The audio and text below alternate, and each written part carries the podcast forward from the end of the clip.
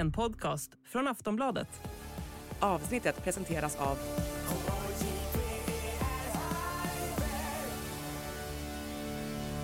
Stödlinjen.se, åldersgräns 18 år. Hej och välkommen till Höjd beredskap, en podd från Aftonbladet Ledare. Idag kommer vi att diskutera en rapport från Totalförsvarets forskningsinstitut, Ukrainian Information Front, av Ivar Ekman och Per-Erik Nilsson. Och med oss i studion här i Stockholm så har vi Ivar Ekman. Välkommen! Tack så mycket! Vår beredskap är god.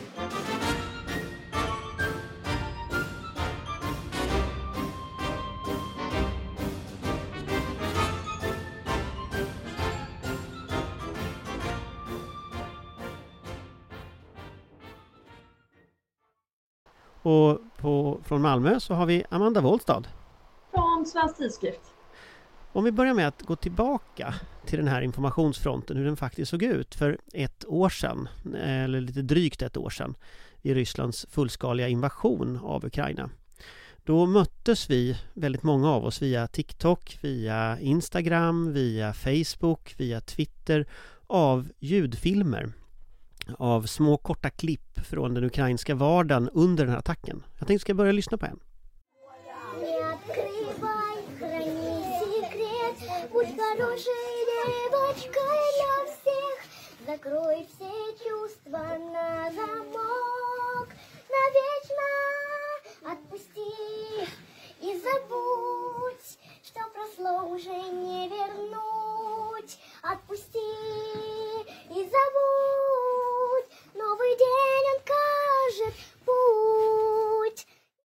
Ja, det vi hörde här var ju alltså då Amelia Anisovic, åtta år, som sjöng i ett, eh, en, en bunker i Kiev under de här raketattackerna precis i början. Och det här var ett av de klippen som spreds allra mest. Det har setts av hundratals miljoner människor via antingen nyhetsmedier, via sociala medier. Eh, och det skapar ju en väldigt mänsklig bild av livet under den ryska attacken för, för ukrainarna. Så om man börjar där, att där är någonstans informationsfronten. Vad var det vi såg hända? Ivar? Ja, eh, på ett väldigt grundläggande plan så var det ju ett eh, krig som utspelar sig eh, i den moderna informationsmiljön. Inte bara förstås, den utspelar sig ju på marken också. Men, men vi lever ju i en värld där just alla har en telefon, eh, alla kan filma, alla kan sprida. Det finns de här plattformarna där saker får spridning eh, och då blir det ett krig även upplevt där eh, på ett helt annat sätt än det var möjligt tidigare när det eh, antingen skedde mycket utan att man fick se det alls eh, eller skedde genom olika eh, grindvakter, att det var medierna eller att det var myndigheter som såg till vad som spreds och inte spreds. Men sen var det inte bara det utan det var dessutom ett krig som i den moderna informationsmiljön eh, utspelade sig i ett land där digitaliseringen och användandet, användandet av de här verktygen ändå är väldigt spritt. Eh, det är många som, som är eh, aktiva på sociala medier och både för att förtjäna sitt levebröd och eh, av andra skäl i Ukraina. Och det var dessutom i ett land där man någonstans på ett kollektivt plan men också i institutioner, i staten, i militären var beredd på att det här var ett viktigt utrymme eh, att vara med eh, och att sprida sin bild av just sånt som eh, mänskligt lidande men också humor, motståndskraft, eh, vilja ja, att försvara för sig. Jag tror de, om man ska titta på vad, vad förknippar man med början av kriget så så i alla fall jag förknippar ju det med att man innan den 24 februari var ganska övertygad om att Ryssland skulle ta hem det här, både på marken, i den informationsmiljön. Vi hade en bild av rysk propaganda som hade liksom sänkt ett amerikanskt presidentval. Det fanns massa ryska narrativ i svenska medier som spreds. Vi trodde att det var en formidabel motståndare. Och sen vad vi möts av istället är Go fuck yourself Russian warship det är de här eh, traktorerna som rullar bort ryska stridsvagnar. det är mm, filmer som Amelia Anisovic men också andra filmer som kom och som bara sköljde över oss. Och den ryska propagandan kraschade på en ganska kort tid. Alltså vad var det som hände? Alltså, jag tror ju att det dels har att göra med att eh, precis som när det gäller det militära eh, den hårda metallen som man pratar om. Det är ju massa militäranalytiker eh, återvänt till sina eh, Eh, analyser från innan kriget och, och, fått ångra sig eller säga att de hade fel, att det inte var så bra som man trodde. Och egentligen borde precis samma analys göras i det här fallet vad gäller Ryssland. Eh, I min värld så är det som vi har sett innan det här kriget har varit exempel på rysk eh, opportunistisk förmåga. Alltså att man har varit bra på att hugga där det funnits möjligheter i mindre sammanhang men där det redan finns en splittring i ett samhälle eller, eller ett val i nära förestående och man kan påverka det på ett sätt. Eh, Medan när det kommer till att, att ha en planerad, strategisk, långsiktig eh, strategi i den här frågan i informationsmiljön så är man inte så bra som, som många har trott. Eh, och sen så den andra sidan är just det att Ukraina har ändå eh, haft ganska många år på att förbereda sig, på att lära sig, på att veta vad det är Ryssland kan och vad man själva kan, kanske ännu viktigare än vad Ryssland kan. Eh, och det har vi sett appliceras i verkligheten sedan den 24 februari förra året. Nej, men jag funderar på uh, någonting som tas upp uh, flera gånger i rapporten är ju att uh, era respondenter inte vill lägga allt för mycket vikt vid ledningen, eller snarare de vill understryka att det här är liksom ett samhällsvitt uh, fenomen. Och det är det ju uppenbarligen, det är ju väldigt rätt. Samtidigt så måste man ju någonstans diskutera Zelenskyjs betydelse, framförallt i början. Hade, hade det här gått utan Zelenskyj? Ja, men det är, det är en väldigt bra fråga. Eh, och det, det som de som vi pratat med pekar mot är att det är lite en hönan och ägget fråga. Hade, hade Zelensky gått utan att folket hade funnits där och de som, som gör så här eh, vid sidan av honom eller bakom eh, tillsammans med Eh, och det är ju frågan, alltså den, den sortens president som han är eh, med den bakgrund han har som komiker, skådespelare, producent. Eh, det är ju en modern sorts politiker som speglar ett samhälle som är väldigt medialiserat, digitaliserat. Eh, sättet som han blev vald på är ju, är ju i sig en berättelse om hur samhället förändrats med alla de här eh, eh tekniska och, och mediala förändringarna som vi har sett. Sen så är det ju helt sant som du säger att det finns ju någonting i hans person som var otroligt lyckosamt för Ukraina i förhållande till det här hemska som har skett. Eh, där han eh, har den perfekta blandningen av att både kunna förmedla genuint patos som är baserat i att eh, det finns en anledning att göra det och Ukraina kämpar för sin överlevnad Eh, men också göra det på ett så tekniskt skickligt sätt. Alltså alla som har jobbat med media och intervjuat folk och stått framför eller bakom en kamera ser att det här är en person som liksom vet ut i fingerspetsarna precis hur man ska få de här verktygen att funka till sitt eh, yttersta. Eh, och det har ju helt uppenbart spelat enorm roll. Sen så är, är de som vi intervjuat också tydliga med att, att även om de inte vill lyfta fram att det är han som liksom är ledaren och som har sagt åt alla att nu ska ni göra så här så är det ändå tydligt att han sätter väldigt mycket tonen eh, och folk vet att förhålla sig till vad Zelensky och presidentadministrationen säger och det är det som ska, man pratar mycket om att förstärka, sprida vidare, att man vet när man ska gå in i förhållande till de som utrikesdepartementet talar till eller någon eh, civilsamhällesorganisation så vet de att de ändå behöver lyssna på vad som sägs uppifrån och göra sin version av det. Men man kan säga att om man tittar på er undersökning som ni har gjort, den är beställd av Försvarsmakten. Eh, och jag kan ju först, verkligen förstå att Försvarsmakten är nyfikna på vad var det Ukraina lyckades med här, för det finns naturligtvis mycket att lära. Eh, men där lyfter ni fram några saker. Ni, ni, har pratat med väldigt många människor som är direkt inblandade i processen. Så man kan säga att det här är en, en, en, en ögonblicksbild av hur tänker i princip hela det ukrainska samhället som har varit involverad i den här processen. eh, just nu i alla fall. Mm. Sen får vi ju se hur konflikten utvecklas. Men ni har liksom gjort fältstudier på plats, ni har koll exakt vad folk, hur folk resonerar. Och då är det några saker som är intressanta tycker jag som lyfter fram. Ni pekar på att Ukraina har haft en, en, en kommunikationspyramid. Man har haft en, vad man kallar för en, en, en one voice policy. Eh, som är liksom den officiella versionen av hur man kommunicerar. Som sen ingen verkar ha riktigt följt, utan alla gör som de vill. Samtidigt förhåller man sig till en slags centralt budskap som trots allt finns. Och där blir det lite intressant att, att bena i det. Alltså vad är det egentligen, hur, hur var det egentligen Ukraina lyckades åstadkomma det här med både att hålla ihop budskapet men ändå att släppa liksom kreativiteten fri? Mm.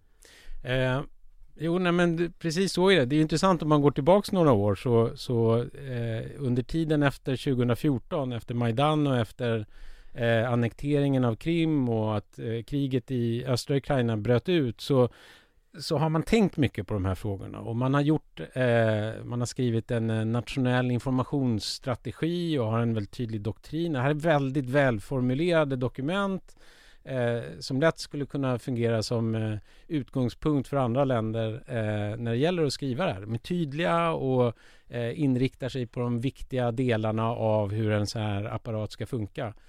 Sen så när kriget väl bröt ut och vi pratade med folk om hur såg det då ut de första veckorna och de första månaderna och hur mycket var det att det liksom fanns en struktur som man visste precis var man skulle vända sig och alla byråkratiska rutor var ibockade och allting flöt på så var det inte alls så utan det var rätt kaotiskt. Ehm, och då, då när, när, när vi försöker få ihop den där bilden så eh, går det ändå tillbaka till den här eh, också överraskande eh, utbredda känslan av att nationens existens var, är, var i grund och botten hotad. Och att alla upplevde det här. Alltså, och det kan man ju faktiskt se i opinionsundersökningar hur utbrett stödet är både till ledarna men också stödet för att kriget ska pågå tills man har återtagit alla de ockuperade områdena och sådär. Eh, det där tror jag, alltså om man vänder på det och tittar på hur ryssarna planerade inför och det som har kommit fram inför invasionen eh, så trodde ju de att det absolut inte skulle vara på det här sättet. Det skulle vara precis tvärtom. Alla ukrainare eller tillräckligt många vill egentligen vara ryssar. Så att det är bara för oss att gå in med, det är därför de kallar det specialoperation, för det skulle inte vara någon riktig militär operation. Utan det här skulle liksom vända. Eh, så fort de visade att de menade allvar så skulle alla ukrainare eh, ställa sig på rad och, och vara glada.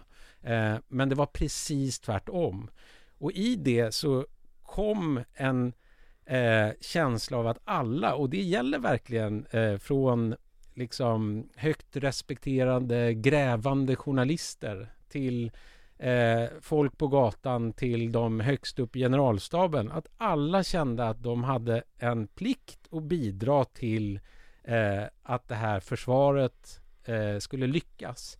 Och det omsattes på en massa olika sätt. Det ser man ju kors och tvärs i Ukraina. Men i just det här fallet när det gäller folk som jobbar med media eller PR eller, eller bara gillar att twittra eller skicka ut TikTok på sin telefon så såg de det som, som en del av uppgiften. Jag menar, vi, vi pratade med en som jobbade som eh, rådgivare åt eh, Salushny, åt eh, eh, eh, vad kallar vi honom på svenska? Han är väl överbefälhavare. Eh, och han, eh, den här personen som var sociala medieansvarig eh, för honom berättade hur det dagen när kriget bröt ut kom massor med samtal från folk kors och tvärs över samhället eh, som ville skicka bilder, som ville hjälpa till att skriva manus, som ville, eh, för att det var det de kunde hjälpa till med. Eh, och jag tror att det är därifrån så kommer den här, det som någon som vi intervjuade också pratade om eh, som en bikupare, den här känslan av att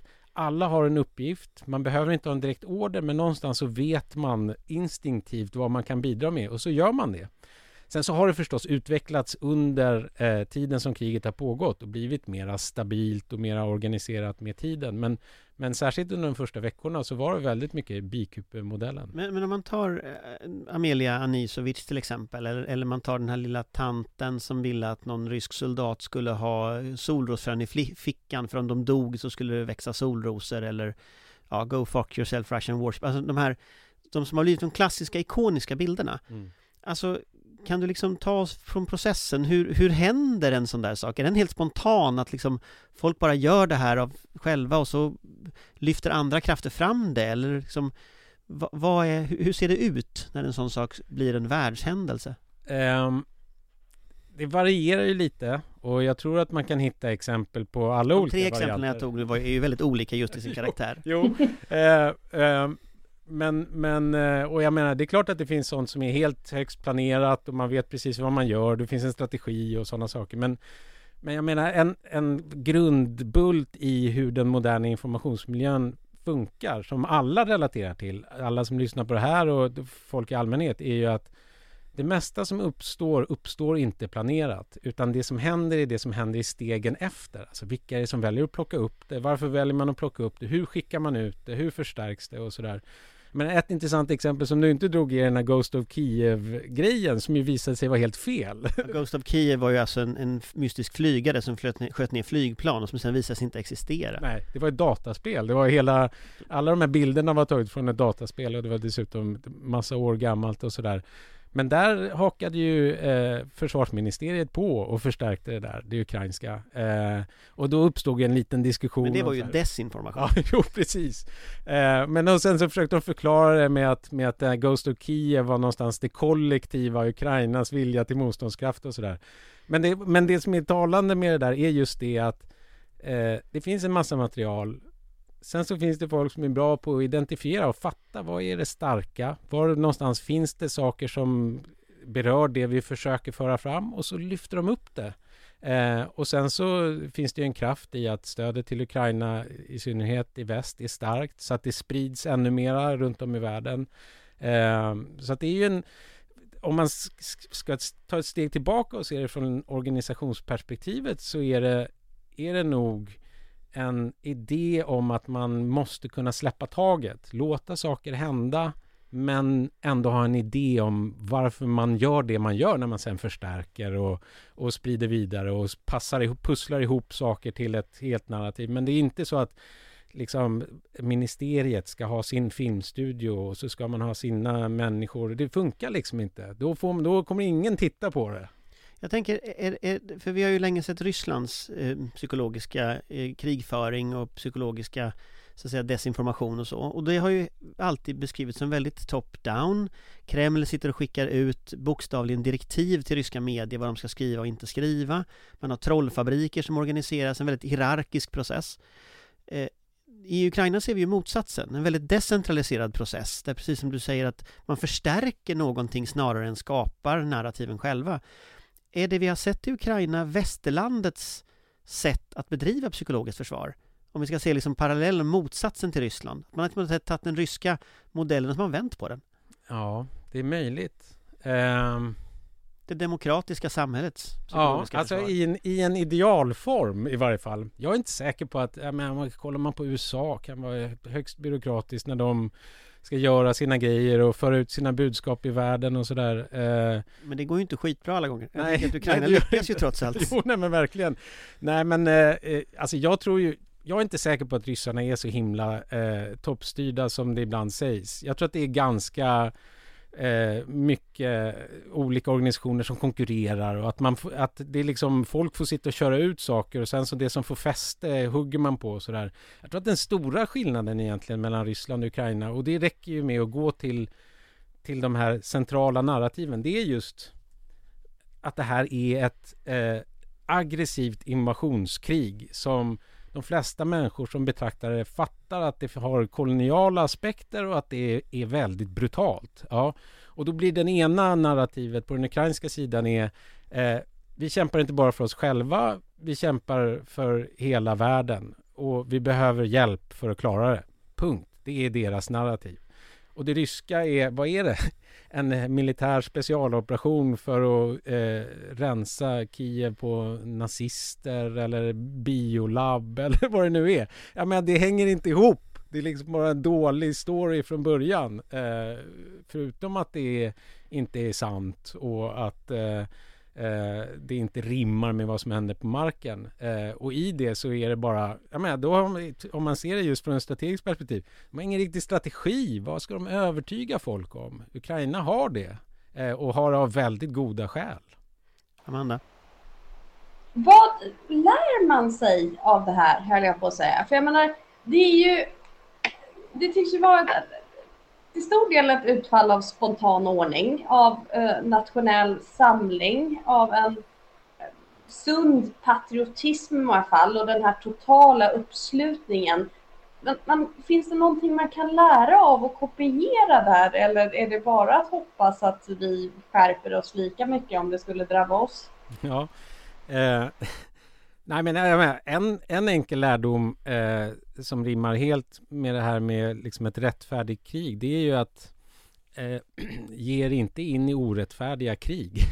Se till att försvara en god sak eh, för då blir det lättare att vinna informationsmiljön också. Jag menar, det, det låter kanske fånigt men jag tror att det är, jag menar, särskilt om man ska lyfta in en jämförelse som med ett land som USA så eh, så är det ett land som har utkämpat krig som, som har varit på väldigt skakiga grunder. Då är det svårt att övertyga världen. Eh, även om de har hela Hollywood i ryggen och eh, äger alla sociala medier och har NSA som kan lyssna på allt och alla sådär. Jag menar, det, det, är en, det är ändå en lärdom och jag tror ju att det är så här där, där vi, kan vi vara ganska trygga i Sverige. Det finns nog vad jag vet inga planer på liksom åka ut och försöka erövra någonting. Um, men, men, sen, men sen finns det ju också faktiskt eh, finns det väldigt konkreta lärdomar och det, det finns ju också i rapporten att går man tillbaks i tiden så har det ju funnits väldigt tydliga eh, eh, förberedelser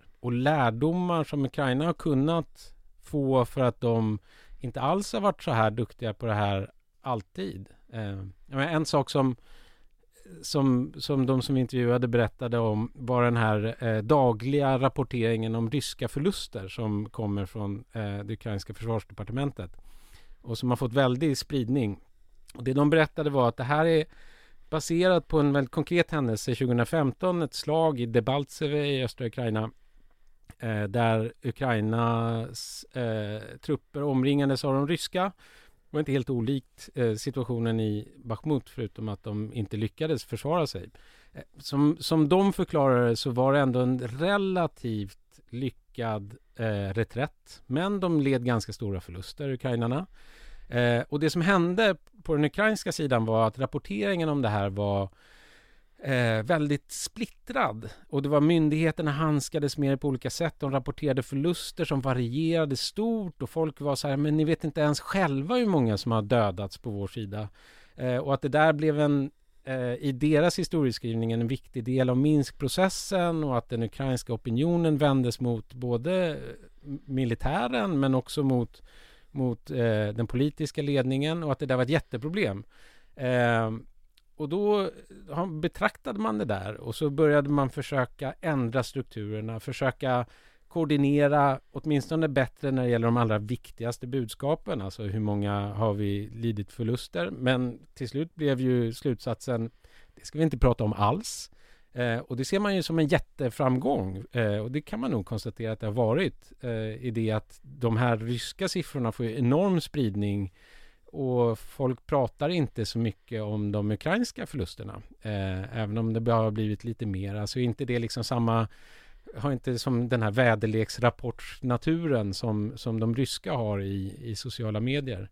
Eh, och det finns flera sådana tydliga exempel om hur man har byggt upp kunskapen och förståelsen kring vad rysk desinformation är. Man har strypt åt ganska kraftfullt eh, den ryska förmågan och alls sprida information i Ukraina. Man har förbjudit ryska journalister att komma dit. Man har stängt av ryska kanaler. Allt det här skedde före kriget. Man har spärrat ryska eh, plattformar, eh, sociala medieplattformar.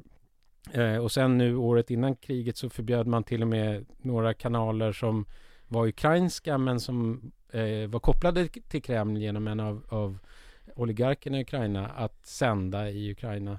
Så att man har ändå gjort saker. Eh, både när det gäller att bygga upp den egna förmågan och att minska rysk förmåga. Eh, som är väl värt att, att eh, betrakta från andra länder. Eh, jag menar, en, en tydlig sak som vi skriver om mycket är ju civilsamhällets roll. Och det är ju någonting som man behöver odla under år. Alltså, eh, vi har väl en gammal tradition av försvarsorganisationer och sådär. Men frågan är om det räcker, om det är där just den här förmågan finns. Men, men vi har ju, det finns ju organisationer som är som eh, är duktiga på att bevaka eh, diktaturer och hur de försöker föra fram sitt narrativ. Och vi har organisationer som är bra på faktagranskning och sådana saker. Och det gäller att odla de här kontakterna tidigt. Om, om man tänker medias roll i detta. Det finns ju fria medier i Ukraina, det finns eh, inte lika fria medier i Ryssland. Eh, vi har ju ibland sett fria medier också som en, en sårbarhet, att, att det är någonting som, som, som eh, ryssarna kan använda sig av och diskuterat ganska mycket om det, saker som har gått fel också i, i västerlandet när man har rapporterat amerikanska presidentvalet med Trump kanske var tydligaste exemplet, men det har liksom väldigt mycket sådana här saker. Mm. Hur har media i Ukraina hanterat detta? Jag tänker den här uttalade policyn om, om One Voice Policy och ändå någon form av informationsstyrning från den ukrainska regeringen, den har ju funnits där. Det lirar ju inte med fri media överhuvudtaget. Alltså hur, hur har, hur har den, det fungerat? Alltså på ett sätt så är det ju det som har genomförts nästan mest tydligt på just mediaområdet och det är i form av att man har centraliserat all, alla tv-nyheter. Eh, tv är fortfarande det största mediet i Ukraina. Eh, håller på att köras om av digitala medier. Men, men det är ändå det sätt som väldigt många människor får sin information. Och det, det som hände var att man, samma dag som kriget bröt ut så började alla de fem stora tv-kanalerna, alltså motsvarigheten till ettan, tvåan, trean, fyran, femman, sända ett och samma program varje kväll. Det har pågått sedan dess. Eh, de liksom roterar produktionen av det men det görs i en studio och det sänds till alla i alla kanaler. Eh, det är intressant det där för att när man pratar med de som är inblandade, både med tv-cheferna och med folk på eh, departementen, så är det lite otydligt vad det var som faktiskt hände. Eh, tv-cheferna säger att det här var deras initiativ själva. Eh, Medan från myndigheterna så låter det lite mer som att det var de som ville att det här skulle ske. Men vad som ändå är tydligt är att det var inte förrän två veckor efter att kriget bröt ut som det faktiskt fattades något formellt beslut eh, om att det här skulle hända. Eh, men, och det här, det, det, finns en diskussion om det här. Det finns en bevakning av det, hur ser balansen ut och så. Eh, det finns en diskussion om hur länge ska det här pågå? Vad kan det leda till när kriget tar slut? Har vi liksom någonstans tagit död på det här levande eh, eh, mediasfären eller kommer den kunna återuppstå och sådär? Kom, kommer politikerna vilja fortsätta kontrollera efter? Men i grund och botten så är acceptansen ändå väldigt stor, baserad i precis samma patriotism som, som vi pratade om tidigare, att även journalister känner patriotism. Men, men om, om, du är journalist i Ukraina, är du soldat i ett informationskrig eller är du journalist?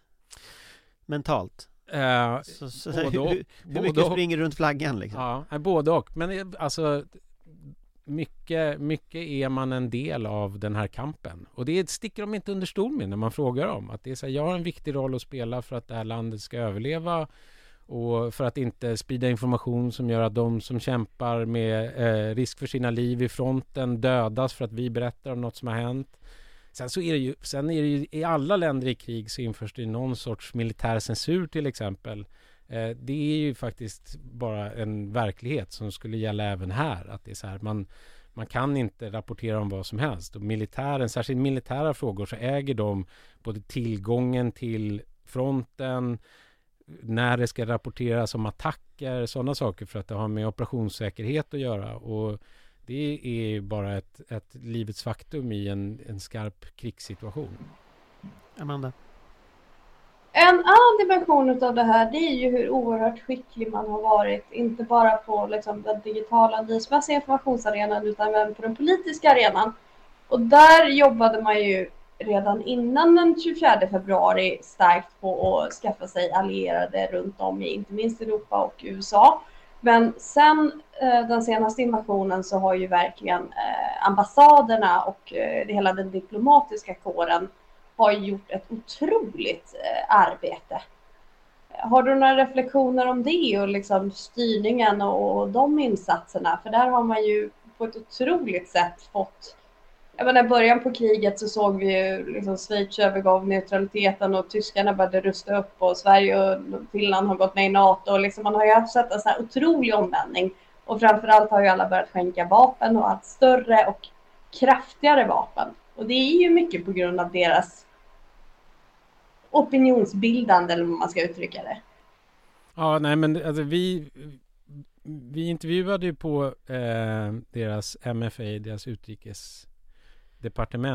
Eh, det var mera just public diplomacy-biten och de som sysslar med, med direkt opinionsbildande verksamhet. Eh, och vi har inte tittat så mycket på, eller inte alls på den politiska planeringen, men som jag förstår det så är det ju hand i handske. Det är en och samma verksamhet. Och jag menar, Zelensky, för att återvända till honom, är ju typiska exemplet hur han just kunnat röra sig så fritt mellan eh, selfiefilmer och de här eh, talen som han hållit till olika parlament runt om i världen som ju varit från bara ett så här talskrivarperspektiv helt fantastiska. Eh, otroligt välkomponerade och just sådär med, med målgruppsanpassning som man pratar om i i eh, informationskrigföring så har det varit väldigt tydligt att man tänkt på att nu är det till Tyskland och så har man liksom pratat om just deras känsliga historiska punkter och vad deras ansvar är och är det till,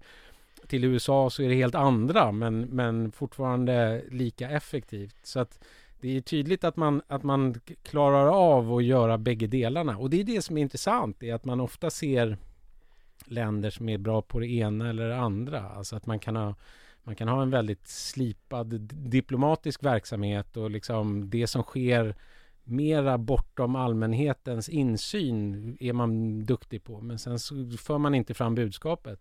Och det är just i, i den värld vi lever i idag så har ju nog eh, mycket, absolut inte allt, men mycket tippat över i att det är viktigare att tänka på den här strategiska kommunikationen som man pratar om i den här världen. Om, om du skulle titta... För, ja, förlåt, ja. Amanda. Får jag, får jag ställa en följdfråga för det bara? För att jag tänker att det är lite korsvis det där. Man får ju inte... I så här omvälvande frågor så får man inte politiken med sig om man inte också har den nationella opinionen med sig. Jag tänker på vår ambassadör i Stockholm till exempel som ju springer benen av sig och ena sekunden pratar inför liksom, politiska församlingar och andra är han på måndagsmötena på Norrmalmstorg för Ukraina och han går på filmvisningar och sådär hur, hur mycket är det planerat och hur mycket är det att de också har, ja, helt enkelt kämpar för sin nations överlevnad och, och själva har tagit initiativ? Alltså jag skulle ju gissa att det är det senare mest. Jag tror ju inte att det liksom finns eh, väldigt tydliga instruktioner från ministeriet hemma vid eller eh, att det är en del av diplomatutbildningen i Kiev eller sådär att det är, är sånt man ska ägna sig åt också. Det, jag tror ju att det är så att alla som är verksamma i utrikesförvaltningar i allmänhet har alltid lite att balansera sin, sin planering mellan de här olika delarna. Men, men att det just liksom har funnits en slagsida mot det som traditionellt varit det viktiga, alltså med de här mötena på, med högt uppsatta företrädare här och där i olika liksom, eh, välinredda mötesrum där alla har slips och kostym. Men att det här, en av lärdomarna här är just att eh, äv, även de som fyller de där rollerna behöver liksom kavla upp ärmarna och, och liksom vara med i, i eh, eh, kanske inte lekprogrammen, men vara med i, i, helt andra sammanhang också. För att det är så mycket som händer eh, i opinionsbildningen och som sen, precis som du säger, får verklig effekt på besluten som inte längre kan bara bestämmas i de här mötesrummen. Jag, jag tänker, du inledde med att säga att det här var ett krig i en ny informationsmiljö. Och alla de här sakerna vi har petat på här har ju liksom med det att göra. Men den informationsmiljön är ju fortfarande där, även om man har lärt sig nu hur man ska jobba. Och nu går vi in i en fas som är helt ny. Eh, vi ser Bachmut eh, just nu, vad som händer där. Eh, mitt, min, mina sociala medier är i alla fall fylld med, med, små filmer med glada eh, ukrainska soldater på väg till fronten. Det är väldigt tydligt att man förbereder informationsmiljön för en våroffensiv. Eh, om, om du ska liksom lotsa oss igenom vad vi kommer då att se givet den här analysen ni har gjort av hur systemet fungerar. Hur kommer informationsfronten att se ut i våroffensiven? Det är en, alltså det är en jättebra fråga. Jag, det finns en anledning att återvända till, till förra året lite för att det, kriget har ju ändå på marken utspelat sig i några olika faser. Och eh, på ett sätt så kan man ju nog säga att höjdpunkten för det här moderna skedde under den första fasen i kriget när Ryssland försökte erövra Kiev. För att då var krigföringen, manöverkrigföring, det var liksom man körde genom tättbefolkade områden, strider skedde här och där, vilket betyder det finns en massa kameror på telefoner överallt. Eh, det är svårt att kontrollera, men folk utanför får den här både läskiga men också väldigt spännande känslan av att vara med på plats. Sen efter det så stelnade ju kriget i viss mån i artillerikrigföring i öst. Och då infinner sig en situation där det är just de militära myndigheterna som i mycket högre grad har kontroll över vad det är som kommer ut. Där kan man fortfarande se att Ukraina är skickliga eh, på att det är en massa filmer som helt uppenbart är skapade i militära sammanhang. Filmade av drönare, filmade av hjälmkameror, eh, och så vidare som ändå eh, kommer ut och sprids och inte är tydligt så här, det här nu ska eh, försvarsministeriet visa sin bild utan det liksom får stor spridning och någon måste ju ha tryckt okej okay på att det här ska komma ut liksom. Eh, men det är ändå en annorlunda känsla. Eh, det är det ju. De är, filmerna är ofta stämplade med någon brigad som liksom eh, spränger någon stridsvagn i luften eller sådär. Eh, Eh, jag tycker att det ska bli väldigt spännande att se. Eh, en av de saker som vi skriver om i rapporten är eh, den här sommaroffensiven förra året där det ju fanns ett mått av vilseledning i hur man kommunicerade inför att man eh, attackerade i norr, i Charkiv. Eh, att det var väldigt mycket prat om södra Ukraina och Cherson eh, och sen så plötsligt kom den här blixtoffensiven.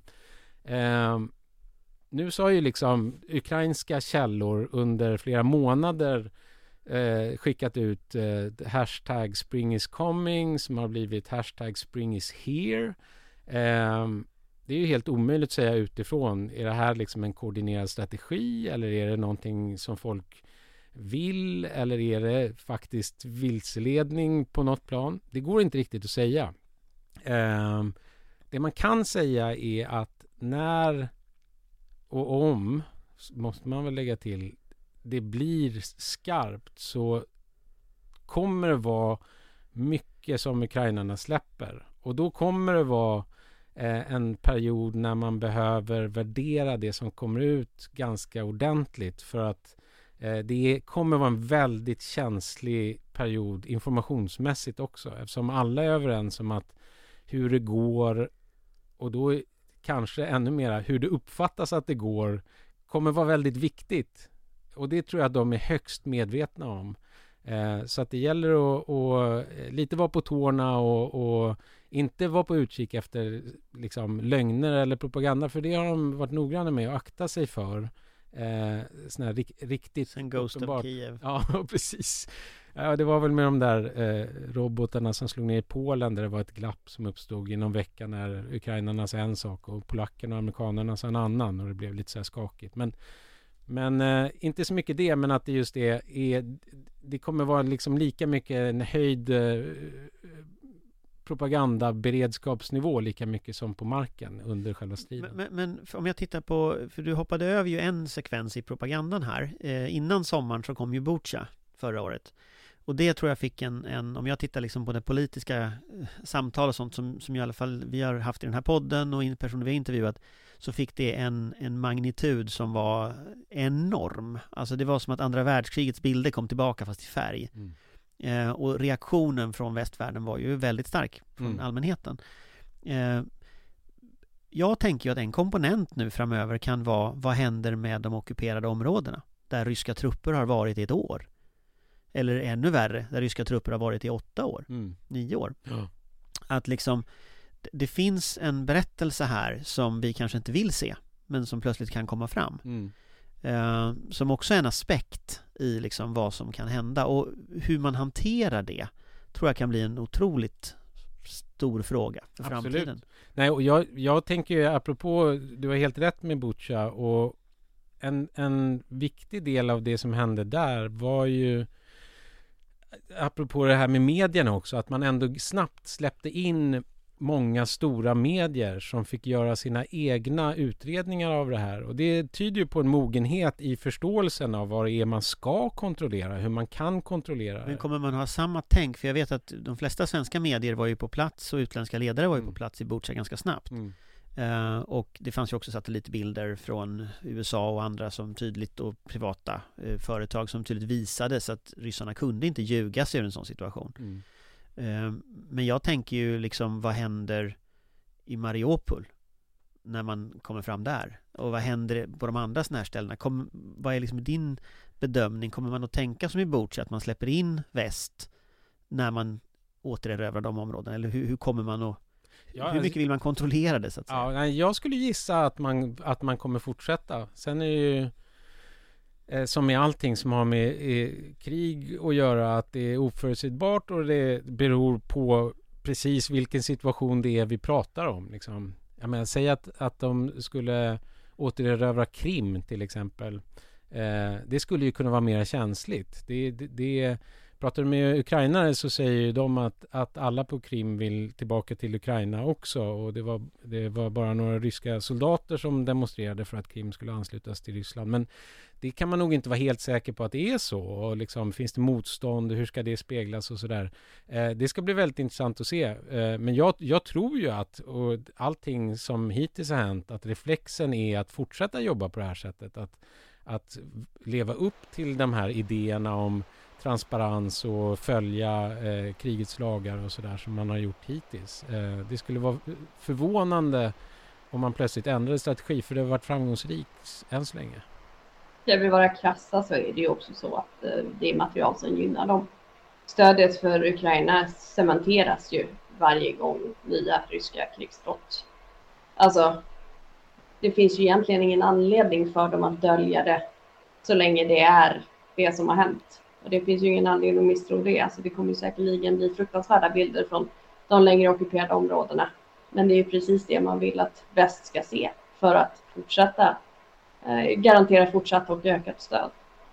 Absolut. Ja, jag, jag tänker ju att det om man följer vad ni skriver och hur de resonerar, det blir nästa steg i, i det kommunikativa. Att, att ta över de här områdena och som släppa in media i, nu höll jag på att säga traktorfabriken, jag menar stålverket i, i, i, i, eh, Mariupol till exempel. Ja, nej, verkligen. Alltså att, att, att man får se vad som faktiskt hände på marken. Mm. Om man nu vill ha med sig västvärlden, att det är liksom på något sätt, det är den, det är det som borde vara nästa, nästa del av mitt TikTok då. Ja, det tror jag. Om, om man tittar lite framåt sen eh, nu, så det här är ju beställt av Försvarsmakten. Eh, nu levererar ni den här rapporten. Vad förväntar du dig att liksom Försvarsmakten och Försvarsberedningen gissar jag och andra personer nu i systemet, vad ska de göra med den här kunskapen? Alltså i, i första hand så är ju eh, det kanske viktigaste budskapet att, att hur viktigt det är. Eh, och bara det är ju en, en utmaning. Liksom. Det här är ju etablerade strukturer som är vana att jobba på vissa sätt. Och kommunikation har ju länge i, i eh, ett land som Sverige med en liksom välfungerande eh, myndighetsstruktur mest handlat om myndighetskommunikation. Och bara att ta steget till det som kallas strategisk kom kommunikation, alltså att man planerar och vet vad man vill uppnå och sådär, är, ett, är lite ett kulturskifte.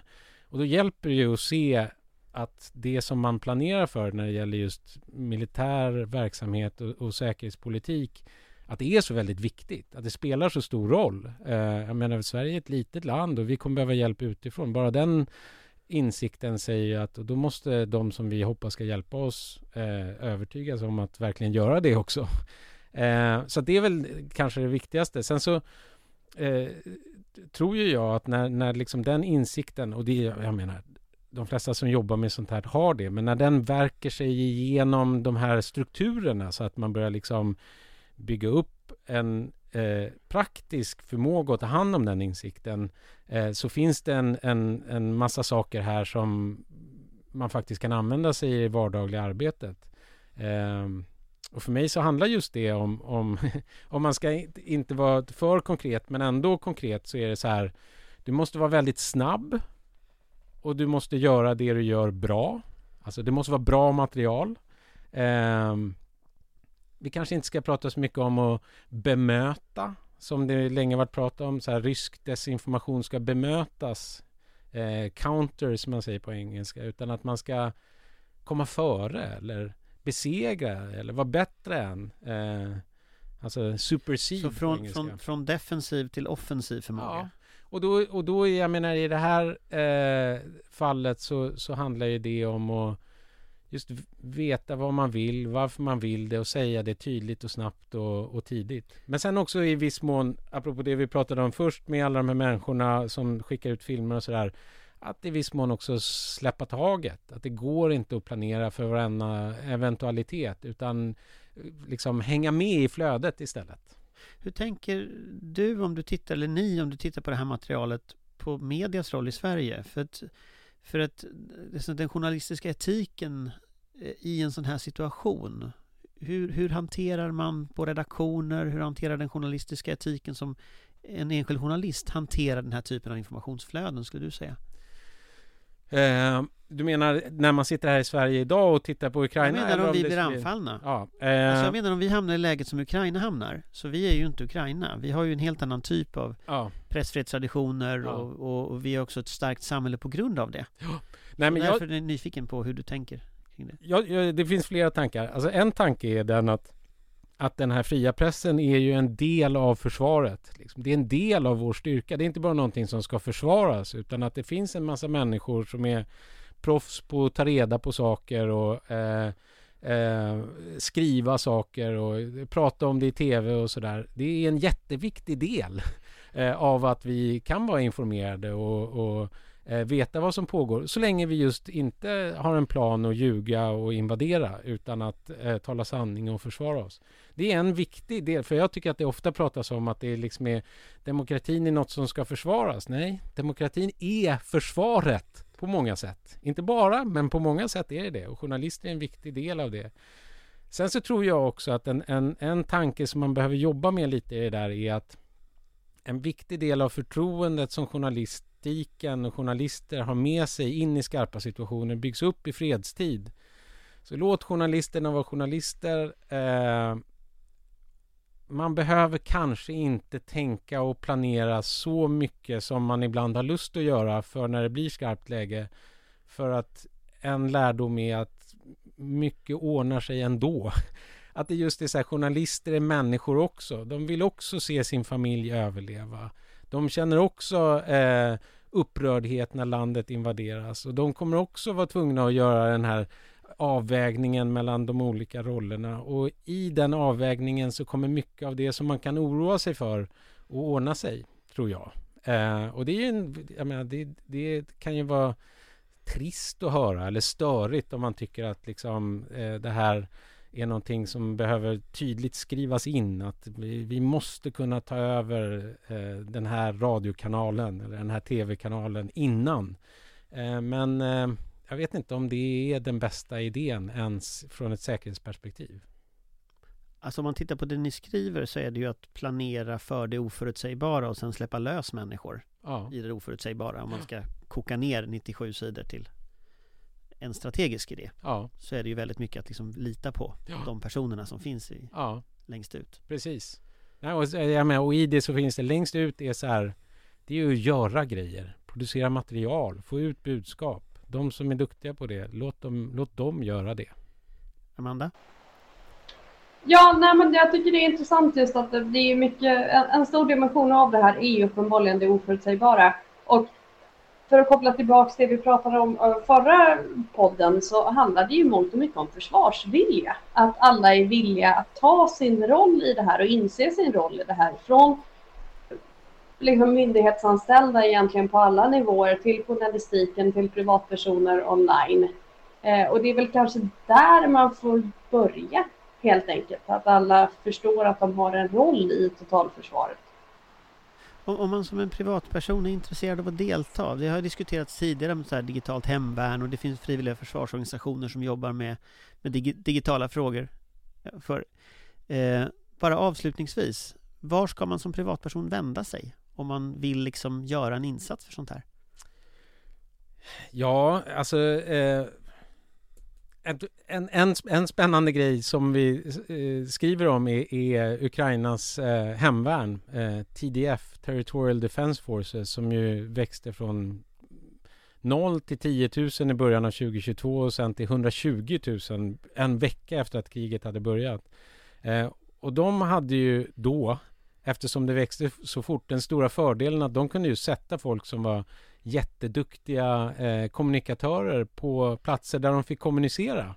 Eh, och jag tror att det bara är så att, att eh, om man hör av sig till den sortens organisationer, alltså hemvärnet, eller försvarsorganisationer, eller startar en egen organisation, eh, eller bara gör det eh, på nätet, för det går ju faktiskt. Eh, så, så finns det nu en helt annan eh, jordmån för att få avsättning för det engagemanget.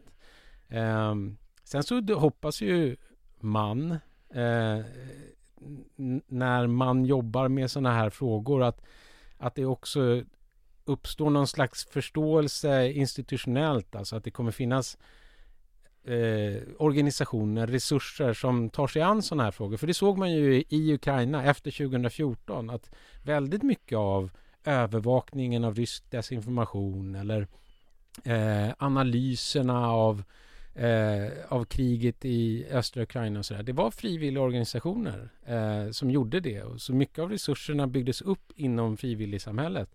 Och nu har ju det här hänt. Kriget har kommit eh, på den här skalan så nära så att eh, man kan ju föreställa sig att om folk är intresserade och vill att det ska bli bättre så kommer det också poppa upp saker.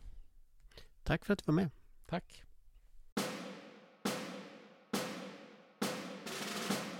Vår beredskap är god.